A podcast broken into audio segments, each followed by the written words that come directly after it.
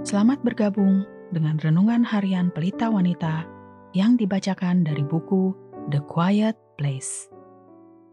Pembacaan Alkitab hari ini diambil dari Yesaya 40 ayat 3 sampai dengan 5. Ada suara yang berseru-seru, Persiapkanlah di padang gurun jalan untuk Tuhan.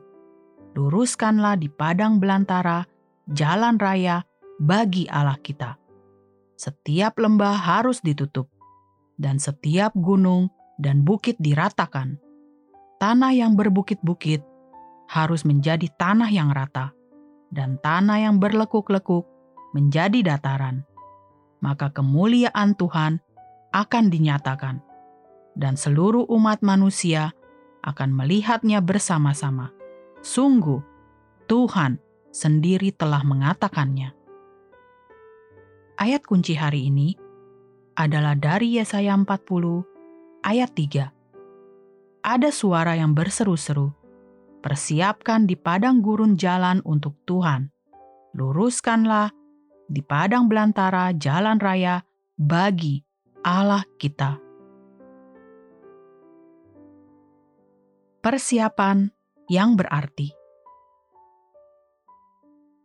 Jika Anda tahu ada pertemuan penting dengan pemilik perusahaan Anda bekerja besok pagi, kapankah Anda akan mulai mempersiapkannya? Apakah Anda menunda untuk memikirkannya sampai Anda telah bangun, olahraga, mandi, berpakaian, dan makan?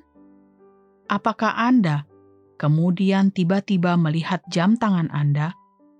Meraih beberapa baju yang kusut dari tumpukan baju kotor, dengan cepat melarikan mobil Anda, tiba terlambat 30 menit, mencari tempat duduk di sekitar Anda di mana orang lain sudah berkumpul, dan dengan tergesa-gesa mulai mencoret-coret catatan untuk presentasi Anda?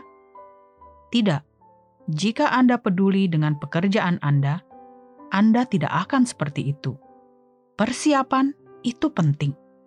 Entah Anda sedang membuat rencana untuk sebuah pertemuan penting, liburan keluarga, pertunjukan musik di gereja, atau memasak di akhir pekan bersama teman-teman di rumah. Jadi, mengapa persiapan bertemu Allah menjadi kurang penting? Untuk memupuk sebuah hubungan dengan Allah yang dalam dan terus-menerus melalui firman-Nya, diperlukan perencanaan sebelumnya.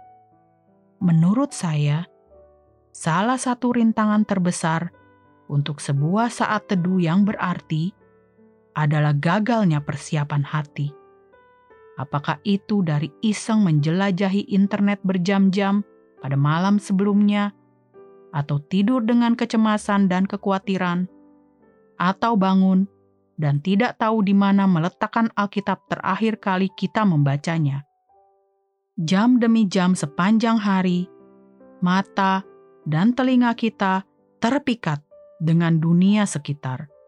Penglihatan, suara, dan tuntutan sekitar kita mampu menawan pikiran dan hati kita.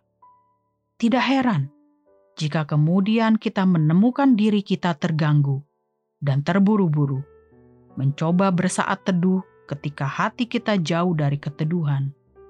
Sedikit persiapan akan membawa perbedaan yang besar. Sebagai penutup, mari kita renungkan pertanyaan ini. Apakah kurangnya persiapan mempengaruhi waktu Anda bersama Allah? Bagaimana Anda bisa menjadi lebih efektif dalam mempersiapkan diri untuk bertemu dengannya.